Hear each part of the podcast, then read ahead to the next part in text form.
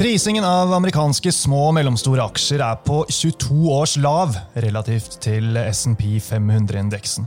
Hvilke muligheter byr det på for langsiktige investorer? Det skal vi få mer om i denne episoden. Jeg har med meg Audun Vikstrand Iversen, som forvalter fondet DNB Disruptive muligheter.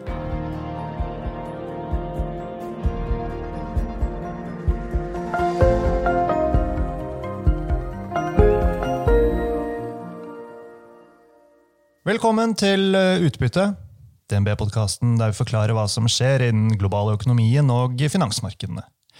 Jeg er Marius Brun Haugen og sitter her altså sammen med Audun. God morgen, Audun. God morgen, Marius. Ja, for det er en eh, god morgen. Det er tirsdag 28. Eh, november. Vi er på et eh, hotellrom i Stavanger, ikke i vårt faste, trygge studio i Bjørvika i Oslo. Vi har vært på veien for å treffe kunder, og det er alltid gøy.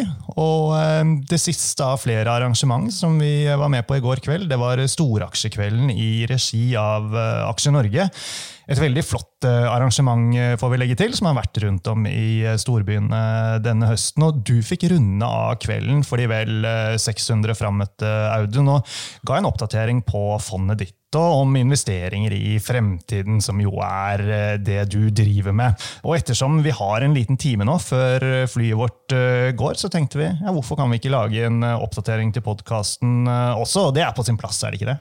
Jo da, og det var eh, et eh, Jeg er helt enig med at eh, arrangementet i går i regi av Aksje Norge Som er en litt sånn dugnad blant alle oss som vanligvis konkurrerer litt om, om kundene, som møtes i en, i en vennlig tone og, og forteller litt og, og, deler litt om hva vi tror både om markedet og de ulike fondene. Bra. Men til saken. Altså, De små og mellomstore amerikanske selskapene i form av Russell 2000-indeksen er altså på 22 års lav relativt til den brede SMP 500-indeksen. Gjør det det lov å håpe at eh, prisingen av mange av disse selskapene har blitt kuttet rett og slett for mye av markedet? Ja, nå, nå vi jo, feirer jo toårsjubileum for, eh, for ganske dårlig smallcap-marked rundt omkring i hele verden. Og det inkluderer jo også, også, Norden. Det vi har sett er at Hvis du tar SMP 500, som igjen da har vært veldig preget av disse, disse, syv store, som har bidratt med veldig mye av oppgangen i år, men tar man og, og, og sammenligner Russell 2000, som er den bredeste small- og midcap-indeksen eh, i USA, så ser vi nå at eh, den er på 22 år lav.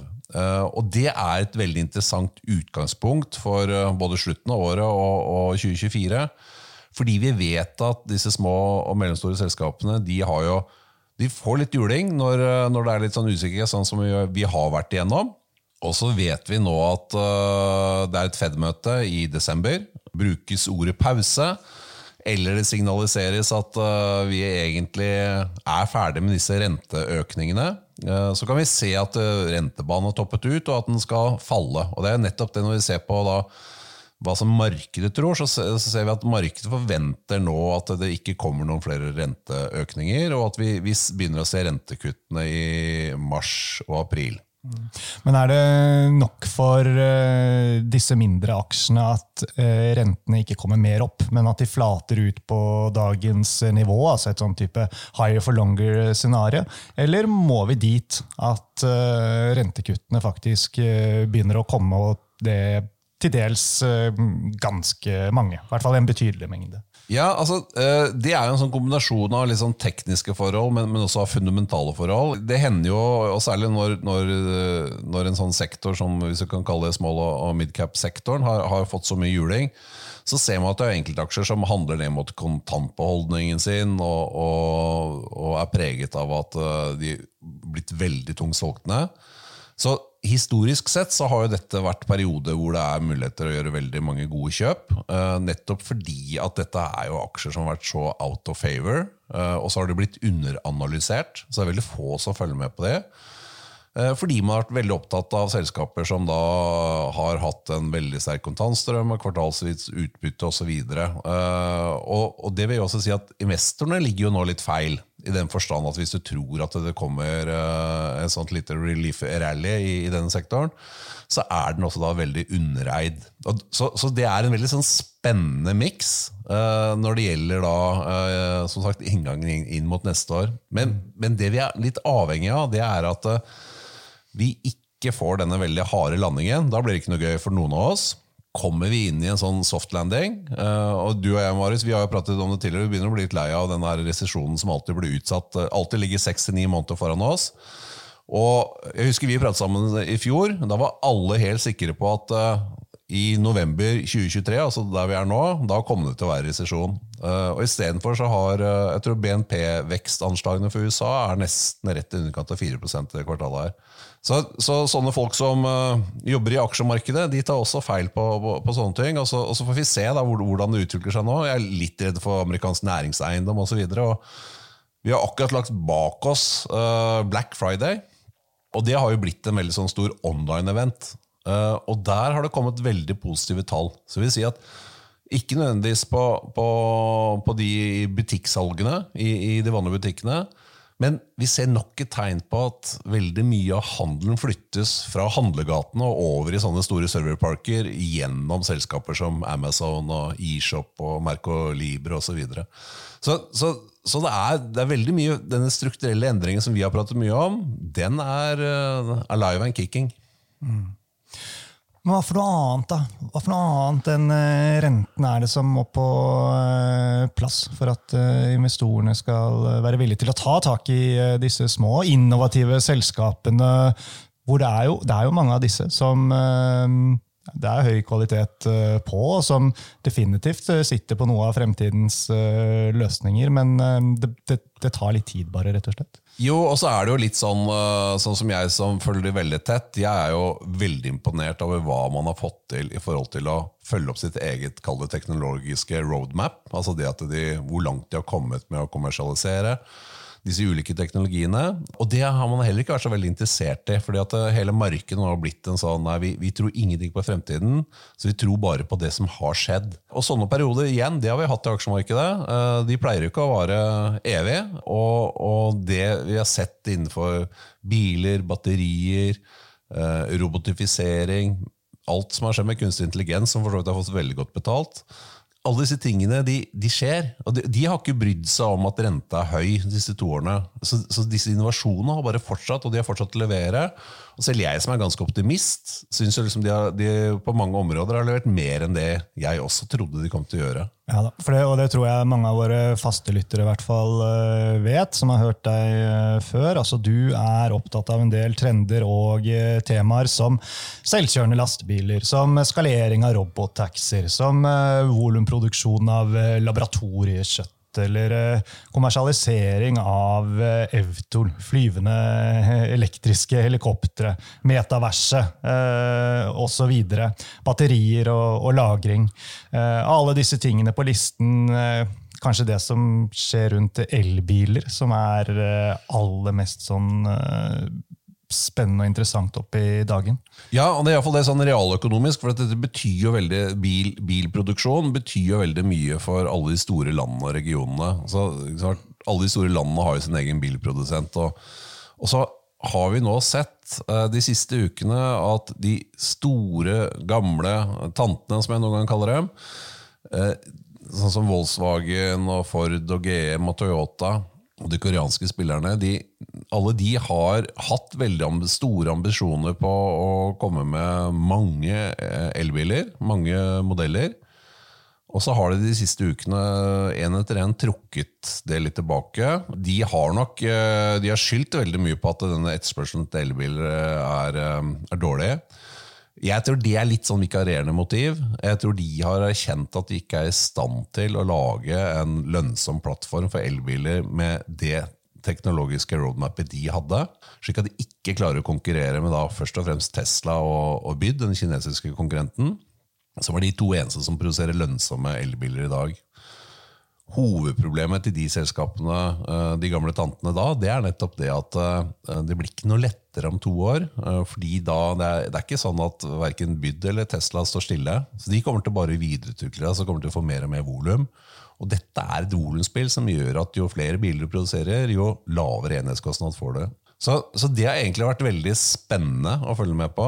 Markedet har, har, har nok i utgangspunktet tatt den, eh, disse ordene om at uh, det er en dårligere etterspørselsutvikling på elbiler enn det man uh, antok. For god fisk. Og, så, og så får vi se hvordan, hvordan det spiller ut. Det er ikke de, de, de signalene som er kommet både fra Kina og Europa, de tyder vel på at det fortsatt har vært veldig bra de siste ukene. Så, så, så det er noe å følge med på. Men hvorfor snakker vi om uh, dette? Jo, du er jo uh, investert i uh, dette her, ikke sant?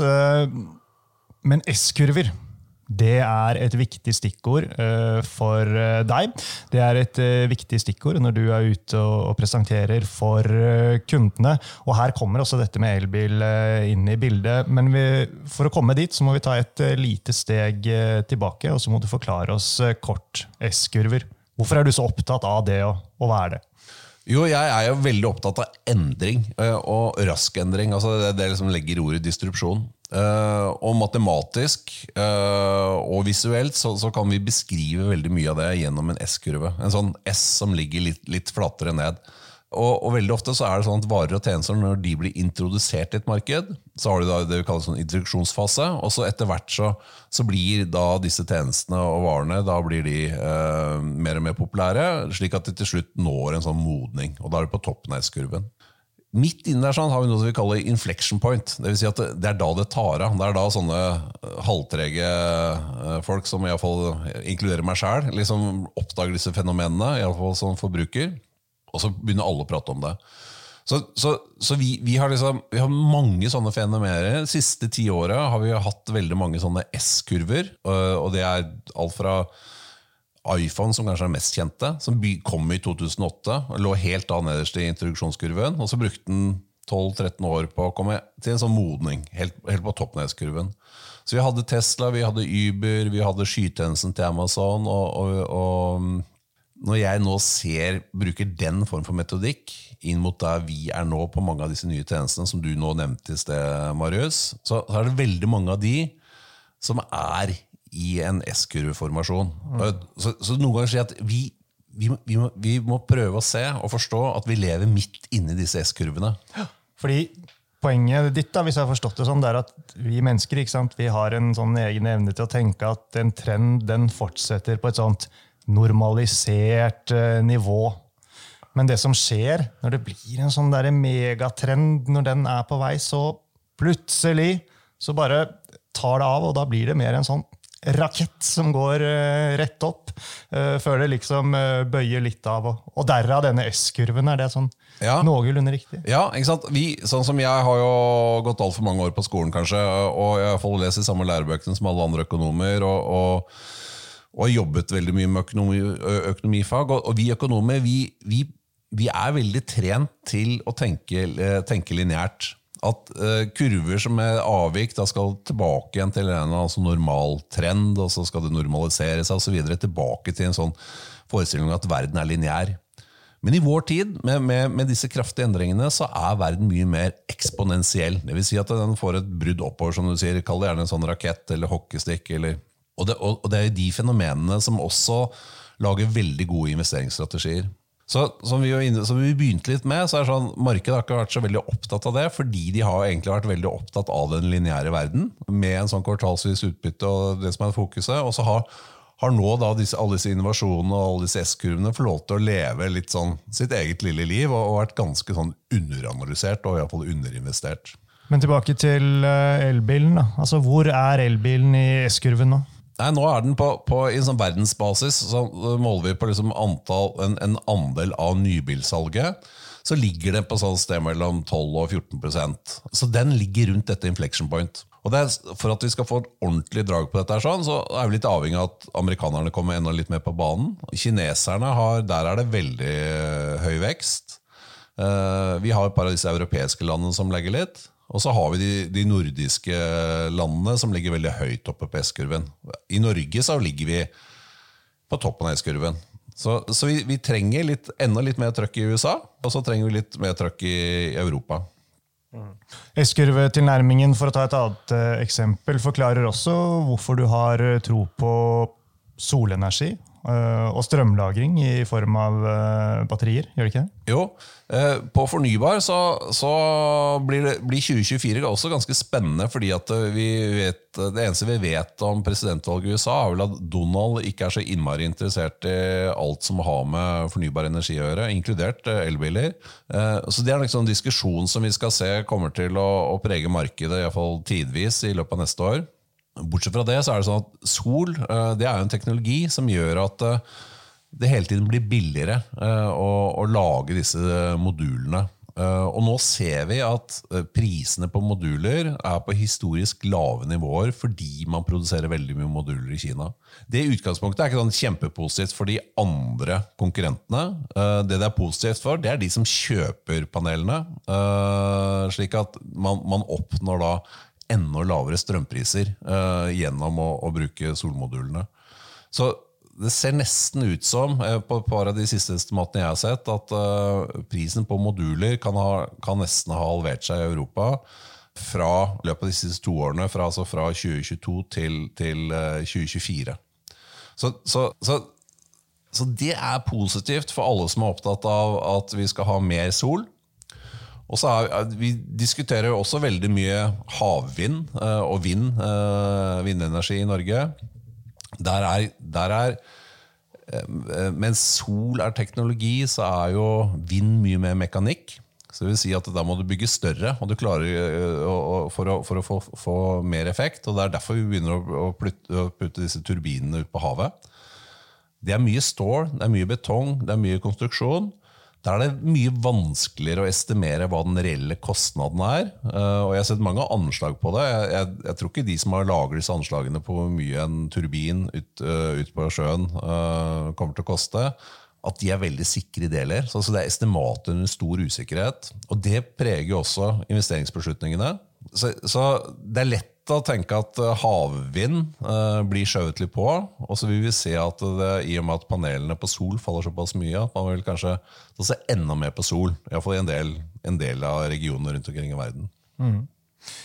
En viktig uh, ting for deg, og som vi også vet at kundene våre som hører på deg, er opptatt av, det er jo hvordan du tenker rundt det å holde på en aksje. Altså ikke selge vinnerne for tidlig når du mener at du har identifisert en aksje eller et selskap som passer inn og er midt i denne S-kurvetematikken. For er man der, ikke sant? Eh, selv om markedet er litt rufsete i perioder, da skal man jo egentlig ikke selge. Ikke hvis man er trygg på at dette her er et uh, selskap som, som, er på vei til toppen av S-en. Ja, og, så, så, jeg har jo en sånn eh, Jeg har jo en forhistorie med å både kjøpe for tidlig og selge for tidlig og, og sent om hverandre. Eh, det, det, er sånn som alle forvaltere opplever. Uh, Iallfall de som holder på med aktiv forvaltning. Jeg har jo også noen som Jeg har, jeg har en del selskaper som, som, jeg har hatt veldig lenge, som jeg syns det er enormt potensial i. Ofte er det fordi at da har det kommet en eller annen hendelse som har gjort at ting har blitt litt forsinket. Um, har du noen type regler, eh, røde flagg eller grønne flagg, alt ettersom, som sier at uh, nå skal jeg gjøre det, nå skal jeg gjøre det? Ja, hvis, hvis det er sånn selskap som har vært veldig tydelig på en, eh, en, teknologisk roadmap, så kan den godt bli forsinket, men den skal ikke bli forsinket for mange kvartaler på rad. Da er man nødt til å, å redusere posisjonen.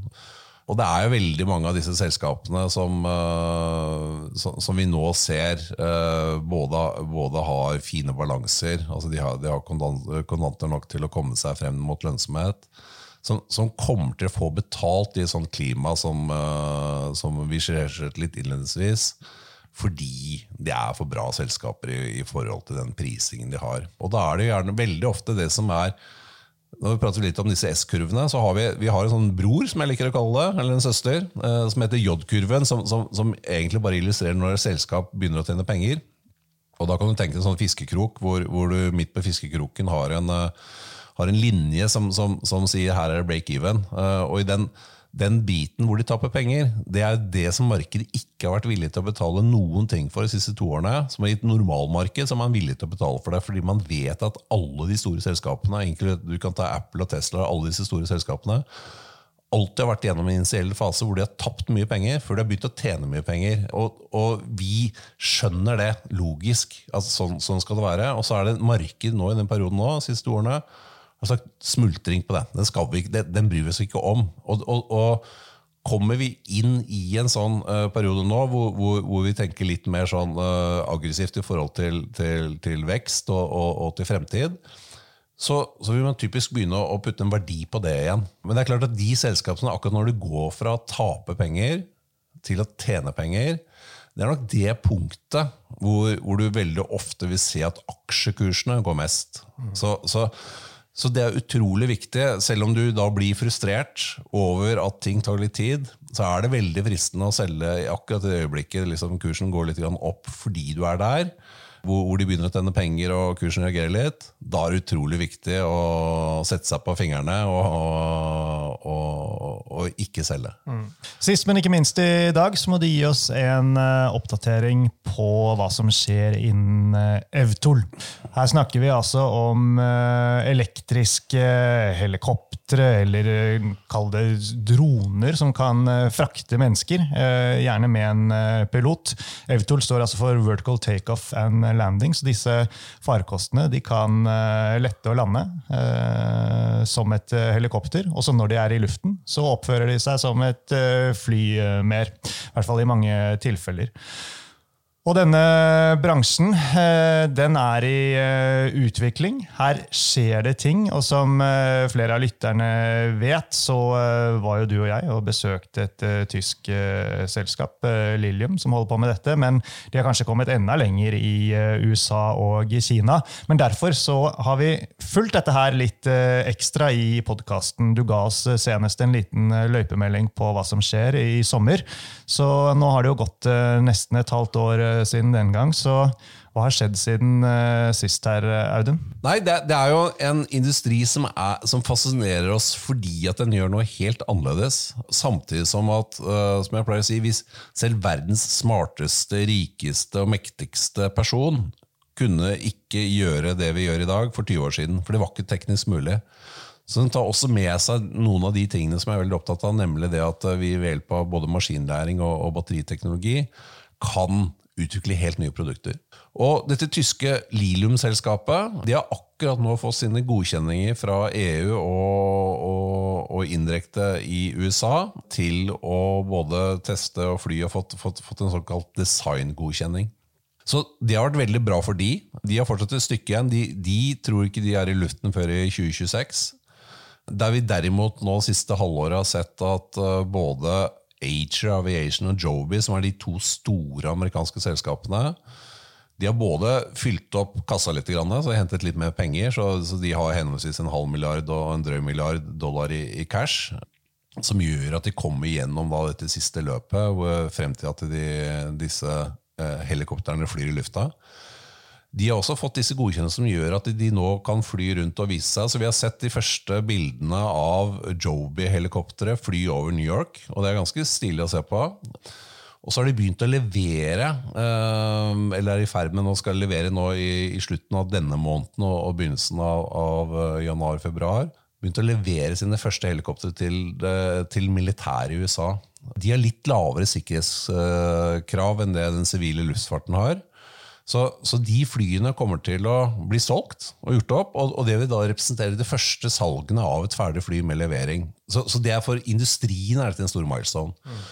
Og så har vi sett at industrien nå har også begynt å inngå kontrakter med å, å, å lage sånne nettverk med Evtol-ruter uh, både i Midtøsten og i Asia. Uh, med levering for 26-27. Så det store slaget det vil være punkt én i, i, i, år, om de får da de siste godkjenningene som gjør at de kan starte kommersiell flyvning i USA i 2025. Så er det en del infrastruktur som skal på plass, for de skal jo lande sted, og du skal ha dronekorridorer osv. Så, så, så, så der, eh, og der jobber iallfall i USA så jobber man ganske aktivt med det nå for å få det på plass. Eh, så så vi forventer fortsatt at uh, vi i løpet av 2025 skal kunne, du og jeg, uh, Marius, sjekke inn på Manhattan uh, og fly over til New York i løpet av ti minutter, istedenfor å sitte halvannen time i kø. Og da ta med oss bagasjen rett til gate til flyet vårt, for da har vi også flydd forbi innsjekkingsskranken i, på, på, New York-flyplassen. Og så skal det bare koste oss en Uber X, altså 150 dollar. Mm. Så, det er ganske sprøtt, eh, hele dette her fortsatt, synes jeg. Altså. Men, men, veldig uh, fascinerende. da. Men long story uh, short. Denne tematikken, denne delen av, lille delen av, av det store transportmarkedet, det går i, i, i, riktig retning. Det går fremover. Ja, det, det gjør det. det, gjør det. Og, og, det er en underskog av altså andre initiativ der sånn, som gjør at vi, vi ser et økosystem vokse frem. Mm. Og så kommer det til å være selvfølgelig humper og dumper osv. Men poenget er i det øyeblikket du, uh, du lettere får en kommersiell flyvning, så tror jeg at dette markedet kommer til å være noe vi, vi alle sammen prater om å ha et uh, forhold til om noen år. Så med andre ord fortsatt mange gode grunner til å, å holde et øye på dette her, i hvert fall for uh, deg, Audun. Bra. Med det så har vi kommet til veisende for i dag. Vi har et fly vi må rekke, sånn at vi kommer oss uh, tilbake til uh, Oslo. Men det så gjenstår det bare å si uh, tusen takk for at du tok deg tid til å gi oss en oppdatering. Alltid gøy å høre om det som foregår i din investeringsverden. Og sist, men ikke minst, tusen takk, folkens, til alle dere som hørte på.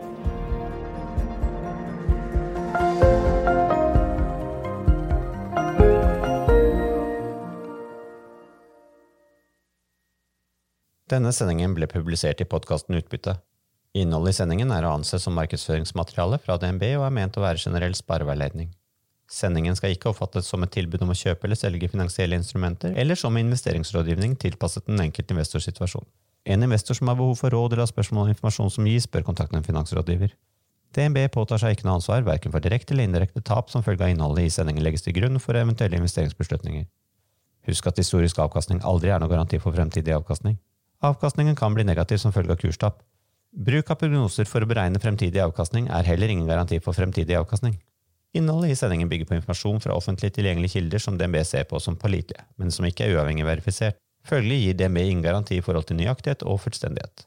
Alle uttalelser her reflekterer DNBs, den enkelte ansatte, eller andre tredjeparts vurderinger på tidspunktet for den aktuelle sendingen, og kan i ettertid endres uten nærmere beskjed. Ytterligere informasjon om bl.a. kildebruk og interessekonflikter er tilgjengelig på dnb.no skråstrek invest, bindestrek disclaimer.